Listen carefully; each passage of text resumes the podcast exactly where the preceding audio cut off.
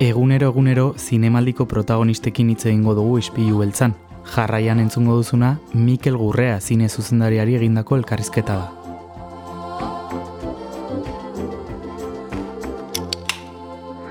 Zineman, zineman lehiatzea e, gauza bitxia egiten zait, ez? Artekatzea e, iruditzen zait ba, termino egokiago bat, ez? Azkenean arte, arteetan arteak ez dira kirola, ez? Ordon, saria hor dago, sariek balio dute ba, bultzada moduan, urrengo, urrengo proiektuetarako, eta jakina zoragarria litzatekela. Ispilu beltza, Donostiako kulturaren berri, Oier Arantzabal eta Kristina Tapia Buizirekin.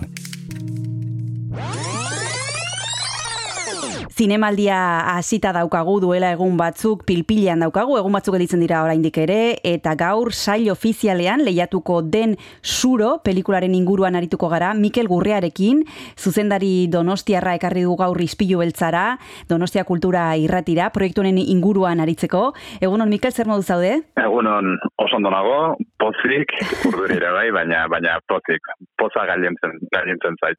bueno, zure lemiziko luzea, e, Mikel, eta eta ja sail ofiziala. Nik ezakit nola hartzen duzun e, horrelako albistea deitzen e, dizutenean, edo emailez edo ezakit nola e, komunikatzen diren zurekin, eta esateko e, ba, sail ofizial erangongo dela zure proiektua. Nola jasotzen nuen albistea? Ba begira, e, oso ondo horatzen dut, e, izan ere ni oraindik ere ari, ari nintzen e, suroren postprodukzioan lanean, ez? E, ba, pelikularen azken ukituak, e, soinuarenak, kolorearenak, eta e, Xabi Berzosa ekoizleak deitu zidan, mm -hmm. e, donostiko zinemaldiko zuzendaria, Jose Riurre Borrodinosek, e, deitu ziola, e, hori esaten. Xabik, hau ez dakit, akatu egin gona, behar bada baina Xabik, kantatu zidan, ezerroz esan gabe, eh, nola da Monty Pythonen eh, Life of Brian, eh? la vida de Brianen eh, bai. txistuz, txistukatzen duten bai. abestiura, oso osorik kantatu ziren nik esaten nion, baina, baina zer da, baina zer gertatzen da.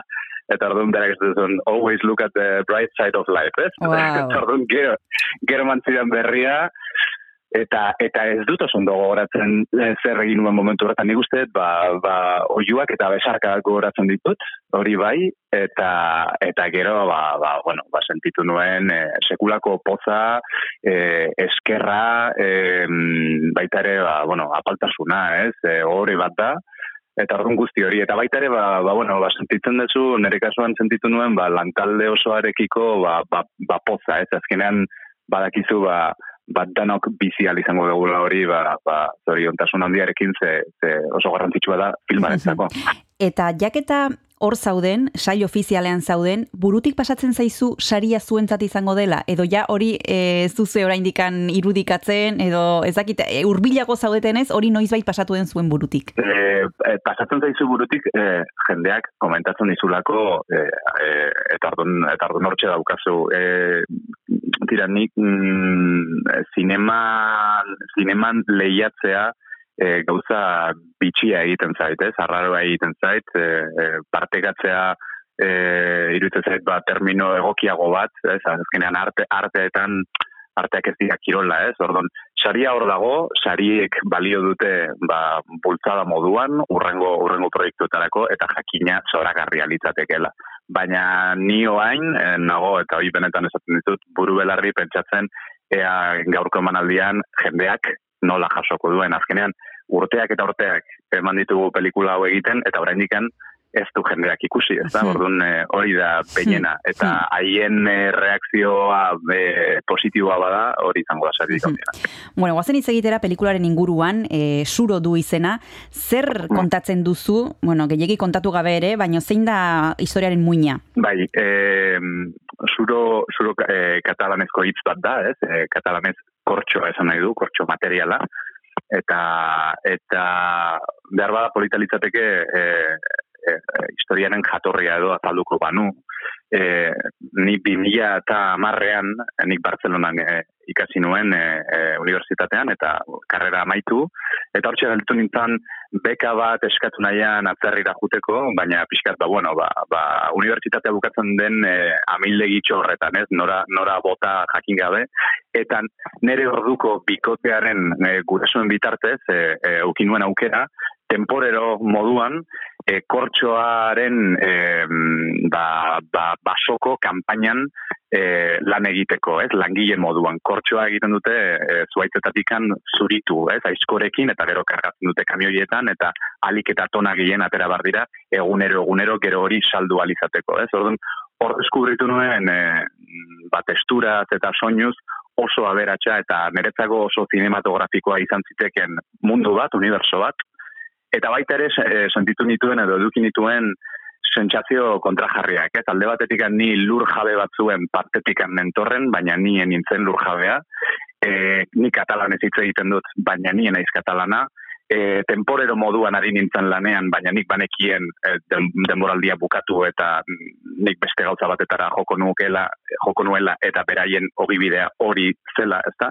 Eta sentsazio guzti horiek, baina baitaren granaje horren parte nahi izatea, ez? Egunero, egunero, ba, ba familitxo horren parte nahi izate hori, sentsazio kontrajarri horiek, ba, ba gelitu ziren nirekin, eta egun batetan, e, pentsatu nuen egun batetan nahiko nukela zeo zerridatzi horren inguruan pasatziren, ni Londresa jo nintzen ikastea, eta iritsi zenean momentua pentsatzeko zein izango gote zen nire lemiziko film laburra, e, film luzea barkatu, ba, pentsatu nuen e, e, gauza horietan, eta baita ere, ba, ni nire e, or, orainean, ez, nik orduan, hogeita mabi, hogeita mair urten euskan, harreman luze batetan nengoen, ez, eta pixka bat ari ginen, e, ba bueno, e, unibertsalak diren erronka hoiekin, ez? Nola bizi nahi dugu irian, e, e, landa ere muan, aurrak izan nahi ditugu bai ala ez, era sostengarri, sostengarriago batetan bizi gaitezke bai ala ez, ez? Piskat, idealak eta praktikotasunaren kontra e, bueno, hoien artean egon daiteken talka, ez? Mm -hmm. Gauza guzti horiek nahaztuta, sortu zen Elena eta Joan, bai. protagonisten bai. historia, ez? Azkenan Barcelona utzi, eta landa ere amura juten dan bikote bat, ez papiskati ideal guzti horiekin e, bizitza berri bat sortzera, baina gero eguneroko praktikotasunak eta beraien egoera berriek ba, ba, e, gatazkan jartzen dute hmm. bikotera hmm.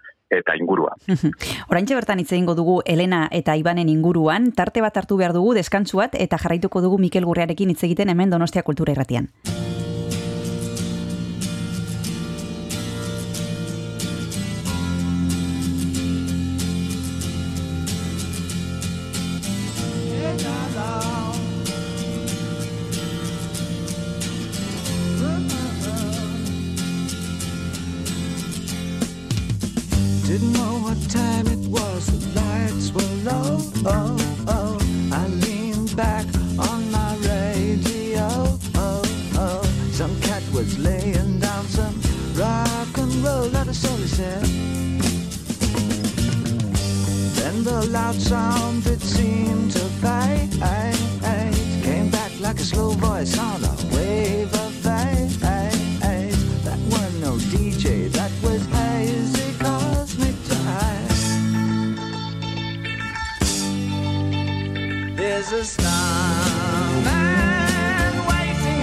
guy. He'd like to come and meet us, but he thinks he'd blow our minds. There's a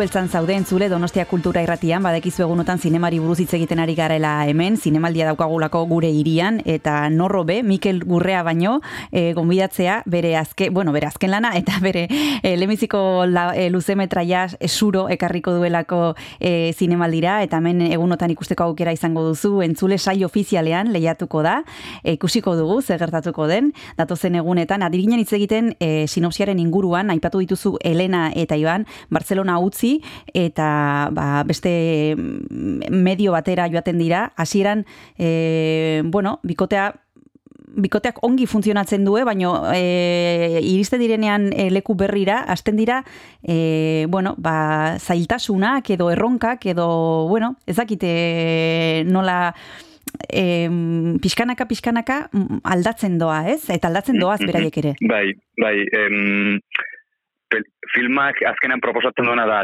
abia puntu moduan e, filmak bi ikuspuntu dauzka, eta Helenarena eta Ibanena e, e, esango nuke zorrozki e, demokratikoak direnak, ez? E, bi, bi protagonista dauzkan e, filme bat da zentzuretan.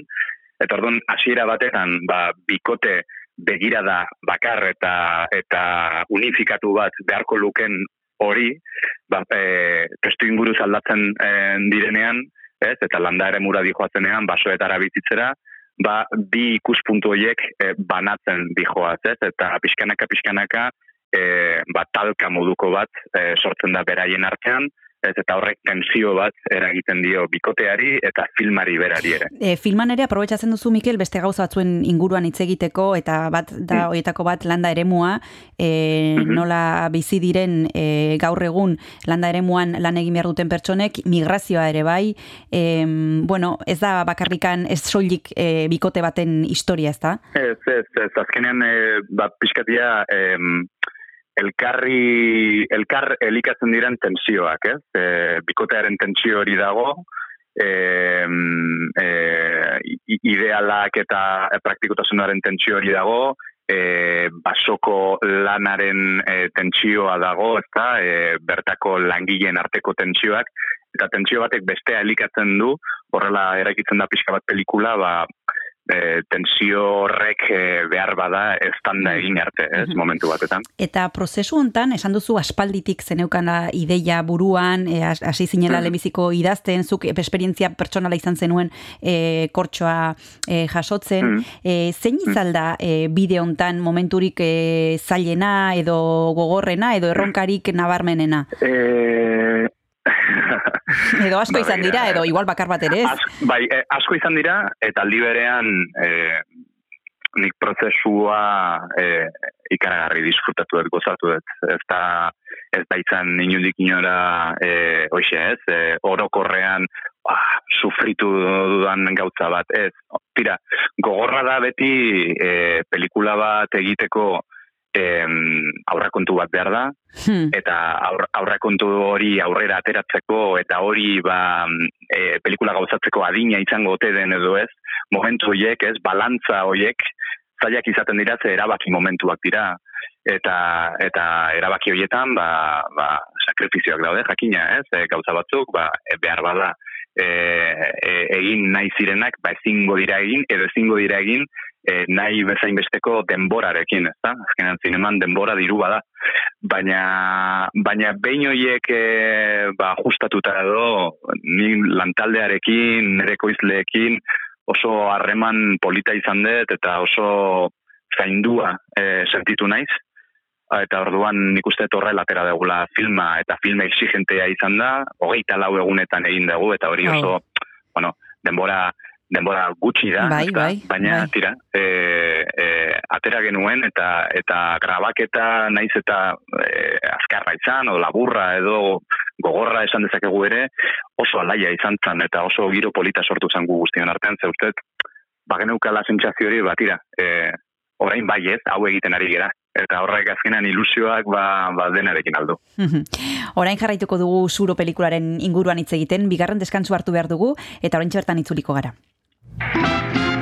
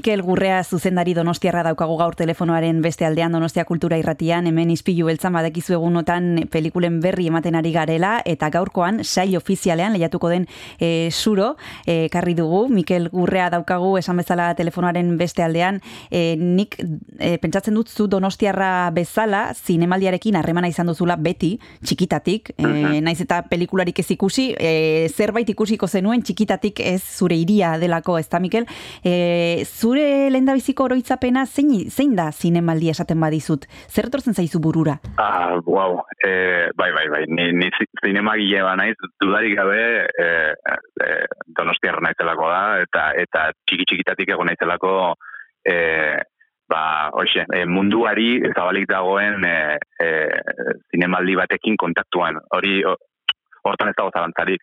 Nire biziko memoria izan daiteke, eta espero dut, okerrez egotea, ze hau ez dut inun e, baina bat zegoen ustez e, programa bat edo, edo eskola publikoak eramaten zituztela e, donostiko belodromora. Bai, eta orain ere bai. Hori da, filmak ikustera, ez da? Eta ni goratzen naiz, e, etzaten gintuztela, e, ze ezkinean esertzen, etzan egiten ginen, eta batzutan olako asistatxo bat botatzen genuen, olako, ez dakite, moketatxo batetan, eta gogoratzen naiz ez dakite gogoratuko duzuen e, hartza, e, e, Jean-Jacques Anoren bai, pelikula bat, bai. E, protagonista bezala gainera hartza bat zegoela, bai, ez, ziren, bai. ez ziren gizakiak, eta lehenbiziko estenan ikusten zen nola, e, protagonista izango zen hartzak bere ama galdu egiten zuen, ezta, e, e, izari batzuk e, etortzen zian, eta uste ez dakita ama baitu edo, edo, edo akatu egiten zuten, eta ostras, horrek, horrek utzi zian e, impactoa e, ikaragarria izan zen. Gainera belodromoko pantalla hondian, eh? E, eskola ordu, orduetan bai, zer eta zinema, bai. zinemara jun, eh? Orduan, nik hori daukat oso oso goguan. Gero, e, denborarekin eta ba nera benintzenean ba bai gogoratzen gogoratzen dut ba ezagik nere eh esango esango ba ba nere lehenbiziko tariko pikote batekin ba junintzan ikustea Jose Luis Gerinen en construcción mm. pelikula kontatzen zuela Barcelonako rabalauzoan bai. olarizian berreraikitzen eta gentrifikazioa hitz egiten zuen eta bai. guzti hori eta eta nik sekula enuen ikusi horrelako pelikula bat, ez? Inunez, ez? Orduan, bueno, izan da gradualki, baina lehenbiziko lehenbiziko memoria belodromoko gura. Eta belodromotik eh, eskolakin eh, joan eh, pelikula bat ikustera, eta geroz ja nerabetzan beste pelikula mota batzuk ere bai, eta beste modu batera, mm. eta orain e, sail ofizialean lehenbiziko proiektuarekin nola bizi duzu salto hori? Orain alfombra gorritik pasa beharko duzu, prentzaurrekoa eman beharko duzu, elkarrizketa mordoa, fokua zuregan egongo da, e, guztiz beste aldean egongo zara, protagonista izango zara, nola bizi duzu hori eta etxean nola bizi dute zure gurasoek eta zure familiak eta lagunek? Bueno, nere, nere gurasoek eta nere kuadriakoek eta lagunek e, e, nerekin bizi dute eta gaina beraiek jasaten dituzte, claro, hau da azkenean ba, ba, ikusten dena, ez? Baina urteetan eta urteetan dauden eguneroko lanak eta kalamitateak claro. eta bar beraiek beraiek bizi dituzten erekin orduan nik uste badaukatela eta eta eta zentzuzkoa da, ez? Eh, justiziazkoa da, ba, badaukatela olako, bueno, hau ere gurea da, zeberaiena da baita ere. Em, e, zu komentatzen zen nuena eta azombra eta fokua eta prentxaurrekoak, bueno, nik e, alde batetik, e, irutzen zait, nik e, filma ordezkatzen dudala, ez, horrelako kasuetan, orduan, e, e, kasu horretan nik baldin badukat hitza edo edo argazkia oso konstiente naiz e, lantalde izugarri baten ba, ba hoize, e, e, irudia edo hautsa naizela momentu horretan. Eta horrela hartzen dut, eta orduan e, ba, horren erantzule eta erantzukizun horrekin hartzen dut. Eta, eta bestalde, ba, bueno, badauka baita ere puntxu bat zerretik ez, ba, ba, gozatzekoa ez, azkenean esperientzia berri bat da, eh, enaiz bakarrek egongo, bikiluengo, Paul López, Ilias El Guadani aktorekin egongo naiz, ekoizlekin egongo naiz, eta eta jekin batera, ba, nola baita bizitzea, bidaia oso luze baten, ez dakit amaiera, baina bai, bueno, muin bai. bat. Bai, ze, zuk pelikula daukazu buruan aspalditik, e, orain esan Mm. dezagun erditzera zoazela, e, publikoarekin konpartitzera, zuretzat bidaiaren amaiera, guretzat hasiera izango da, e, Mhm. zurorekin, da. ikusiko dugu nola hartzen duen publikoak. Mikel hemen, e, kulturaren munduan e, lan egiten duten pertsona askorekin hitz egiten dugu, eta beti esaten digute, guri aurkezten digutenean proiektua, esan bezalazuk, amaiera da, eta orduan e, beraiek ja beste bat gauza bat daukate buruan. Zure kasuan, buruan, kajoian, maiganean, non baiten daukazu beste zerbait ja? Bai, begira, e, nik uste baita ere behar bada zurorekin buru belarri bili naizen ezola e, harreman esklusibo batetan esango genuken bezala, e, urteetan, orain e, ba pixkate forzatu forzatu diot nere buruari edo edo eragin diot nere buruari ba e, bi spairu gauza aldi berean e, garatzen ibiltzeko. Eta horretan ari naiz e, ba euskator e, bi e, film luze proiektu e, biekin gozatzen ari naiz eta esperoan zeinek hartuko duen ba, ba biadura edo energiarik handiena eta hori izan dadila ba, ba nire urrengo e, proiektua, hori da. Bueno, ea ikusten dugun, ikusteko aukera izango dugu, seguru aski, ez hori espero dugu, behintzat, bitartean, zuro daukagu disfrutatzeko, egunotan esan bezala zinemaldian, eta espero dugu gero zinemarruntetan ere, norbaitek orain ez badu ikusten errekuperatzeko aukera izatea. Eskerrik asko, e, Mikel Gurrea, izpilu beltzara urbeltzeagatik, Donostia Kultura Irratia, zorte hon, talde osoari, eta hurrengor arte, besarkada bat. Besarka bat, eskerrik asko zuei. Agur. Agur. Thank you.